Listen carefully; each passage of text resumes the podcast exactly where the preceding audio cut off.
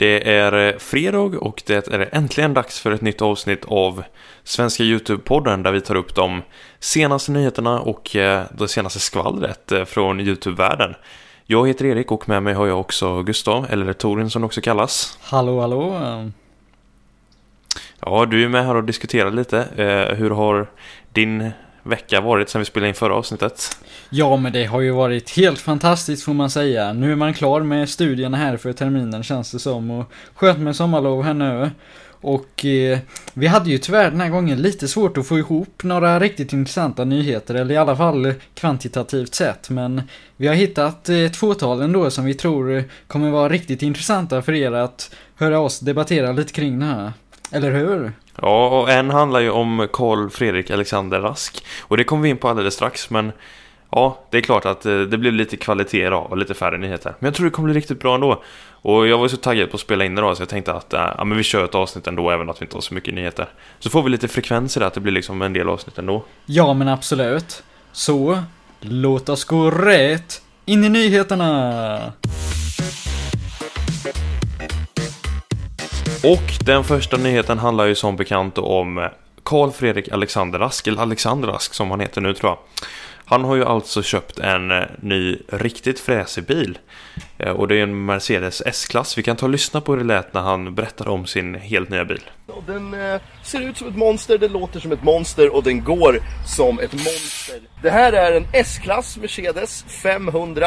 Vilket innebär att det är en stor motor. Det är 388 hästkrafter i den. Jag kommer chippa den så att det drar ner bränsleförbrukningen och så får jag 412 hästar. Men 388 hästar.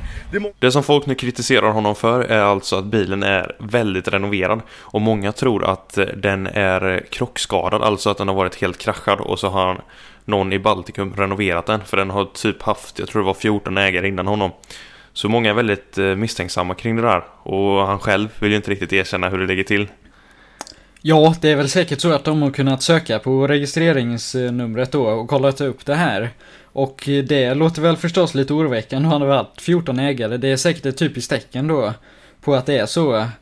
Eh, så visst, man vet, det, man vet ju aldrig, men det är intressant det här. Det låter ju som att det kan stämma mm. i alla fall.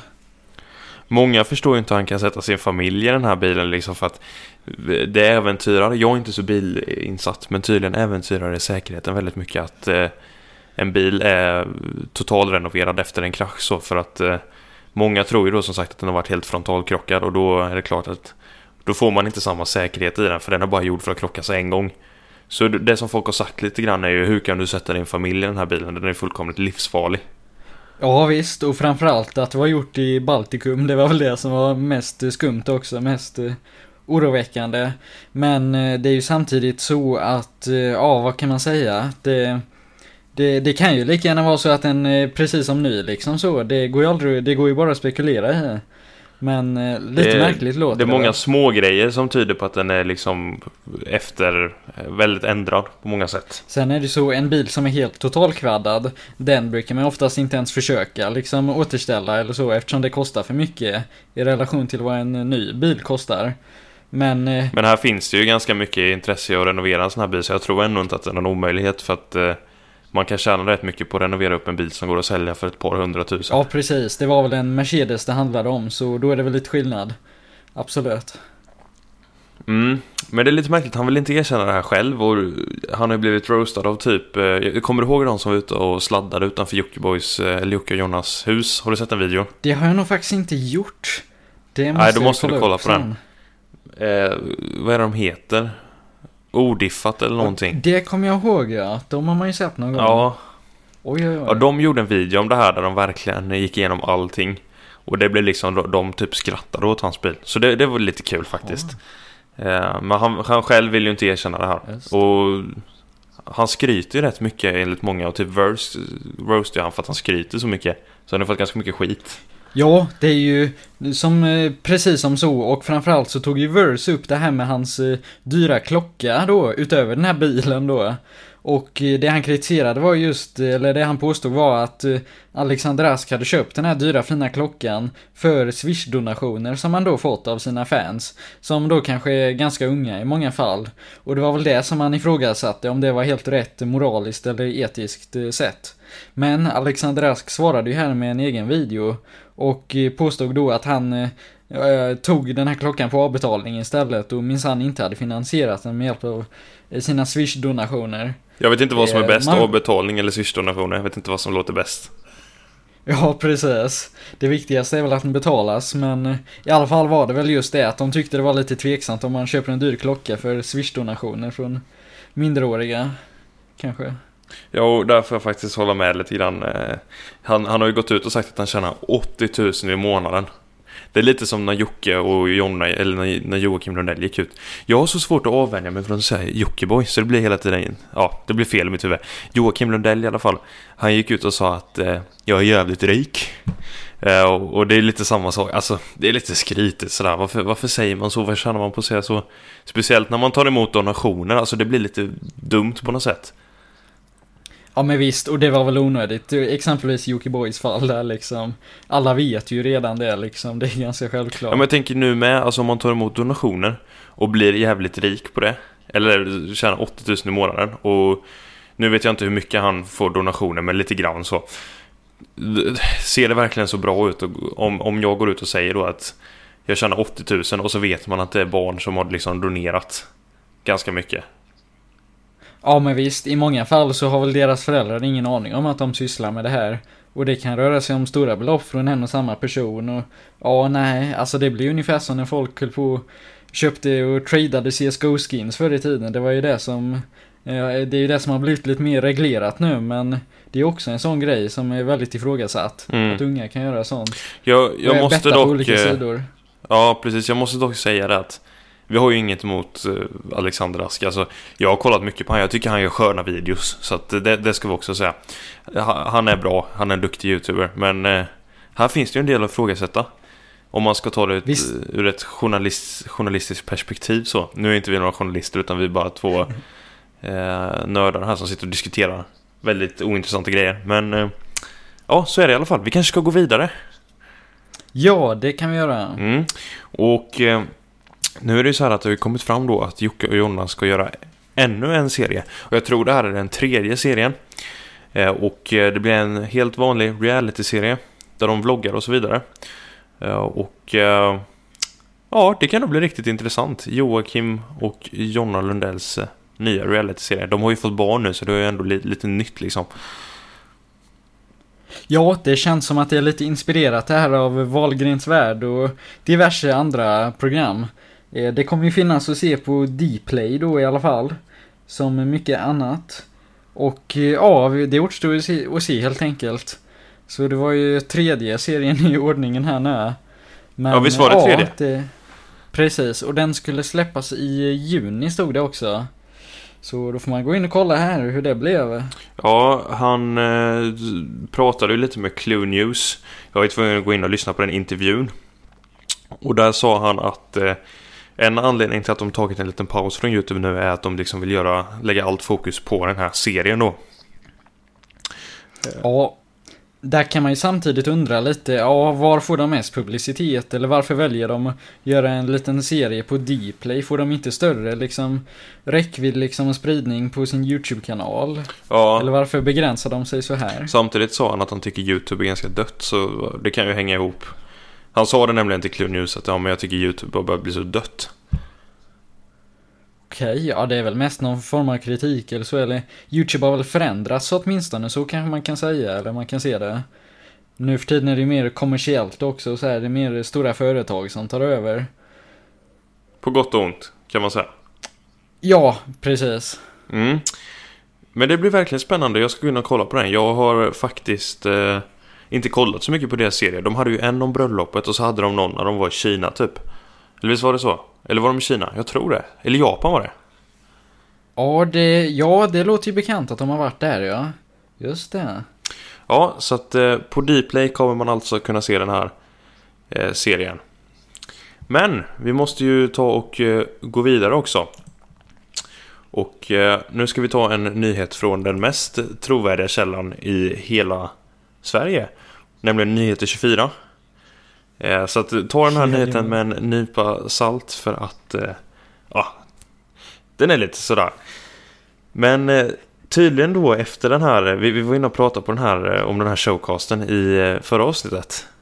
Eller var det? Jo, det, var i förra avsnittet vi satt och snackade om det. Och... Ja, det var ju det precis. Och det här kan ju hänga ihop lite med det skulle vi väl tro. Ja, väldigt mycket. För att det var nämligen så att Nyheter 24 de rapporterade då om att eh, Filippe, vilket är Biancas pojkvän då, trodde att eh, hon hade varit otrogen för hon grät så mycket. Men eh, i själva verket då så var hon ju väldigt rörd över alla fans. Men eh, ja, han blev helt klart lite misstänksam där när hon grät så mycket och var bakfull. Ja, det hela lät ju lite skumt att hon skulle ha gråtit sådär i två timmar och inte kunde få fram några ord om varför. Men visst, ja, man vet ju aldrig.